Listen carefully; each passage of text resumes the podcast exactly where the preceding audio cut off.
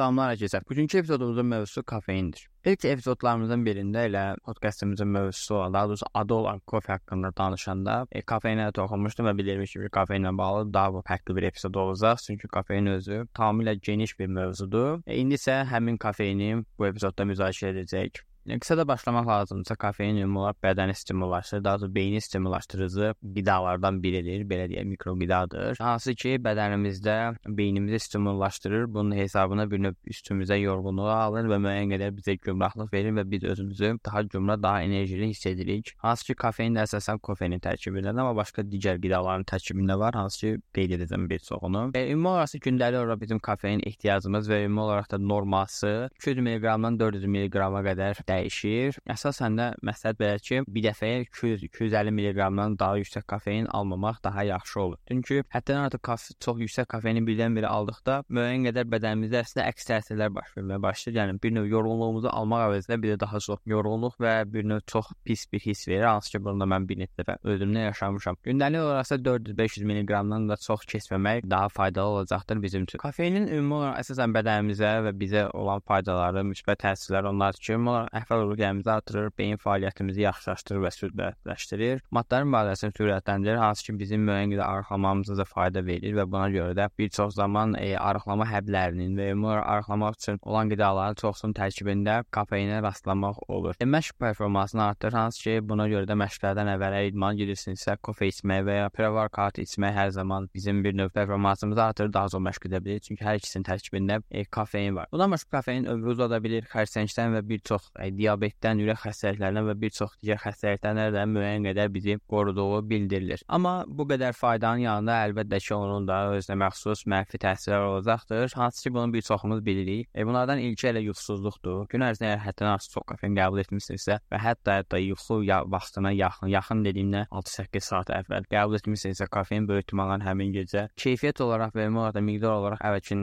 günlərə nisbətən daha pis yatacaqsınız. Və bundan başqa baş ağrısı, ürəyin sürətli döyünməsi, hansı ki, bəzi insanların ürəyi döyünür deyə kafein, daha doğrusu kofe içmirlər, çünki tərkibində kafein var. E, ürək tez-tez döyünənlər və insan qan təzyiqinə təsir edir deyə müəyyən qədər narahatlıq da yarada bilir bəzi insanlarda. Ona görə ən yaxşısı ümumi olaraq e, nəzarət etməkdir. Gün ərzində qəbul etdiyiniz kafeini nəzarət edin, çalışın 400-500 mq-ı aşmasın. İndi isə gəlin ümumi olaraq təxminən hər bir qidanın tərkibində, əsas qidaların tərkibində söz ki, nə qədər kafein olduğunu toxunaq. İlk öncə elə qəhvədən başlamaq ən yaxşısı olur, çünki kafein edici çox zaman ilk qəhvə gəlir elə. Qəhvələrin tərkibində təxminən 100-250 mq kafein ola bilər. E, çünki bu söz ki, qəhvənin e, bir növ mənşəyindən, toplandığı yerdən, çəyirdək olmağından e, həmin kofein hazırlayarkən nə qədər qəhvə istifadə edildiyindən sonra çox-çox dəyişir, amma 100-250 mq arasında deyə bilərik. Enerji içkilərinə, enerji içkilərinə çox zaman 80 mq olur, hansı ki, hər 100 mg 100 milliyə 16 mq kafein qoyurlar. Bu da gün sonunda 80, amma ümumi olaraq əgər paket qidalar alırsınızsa, enerji içkiləri və ümumi olaraq içkilər, məsələn, kolanın da tərkibində var. Çox zaman arxasında onsuz da 100 millisində nə qədər kafein olduğu yazılır. Oradan da özünüz hesablaya bilərsiniz. Ümumi çaylarda, dəmlənmiş çaylarda, sən qara çay və yaşlı çaylarda da 20 mq-dan 40-50 mq-a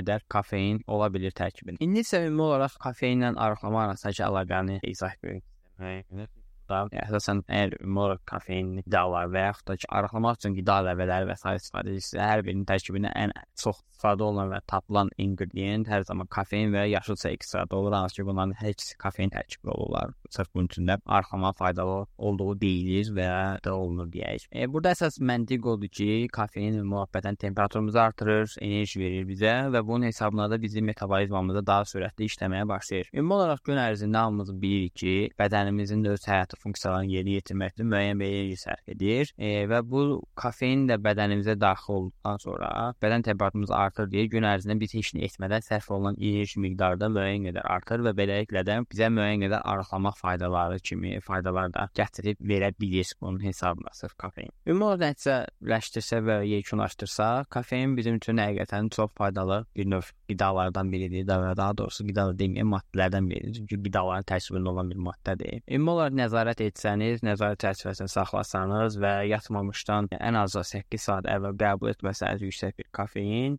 gündəlik olaraq həyatınızda hər hansı bir zərərini hiss etməyəcəksiniz, lakin çox böyük ehtimalla faydalarını daha çox hiss edəcəksiniz. Bəs siz özünüz ümumi olaraq gündəlik olaraq kafeinin yüksək olan qidalar, yəni kofe olsun, çay olsun, enerji içkiləri və s. istifadə edirsinizmi? Məni sosial media platformalarında izləməyi unutmayın. Hər bir link açıqlama hissəsinə yerləşdirilmişdir. Ehtiyacınız olduğunuz müddətdə həmin linkə toxunaraq bütün profilləri çıxış əldə edə bilərsiniz. Özünüzə yaxşı baxın, görüşənədək hələlik.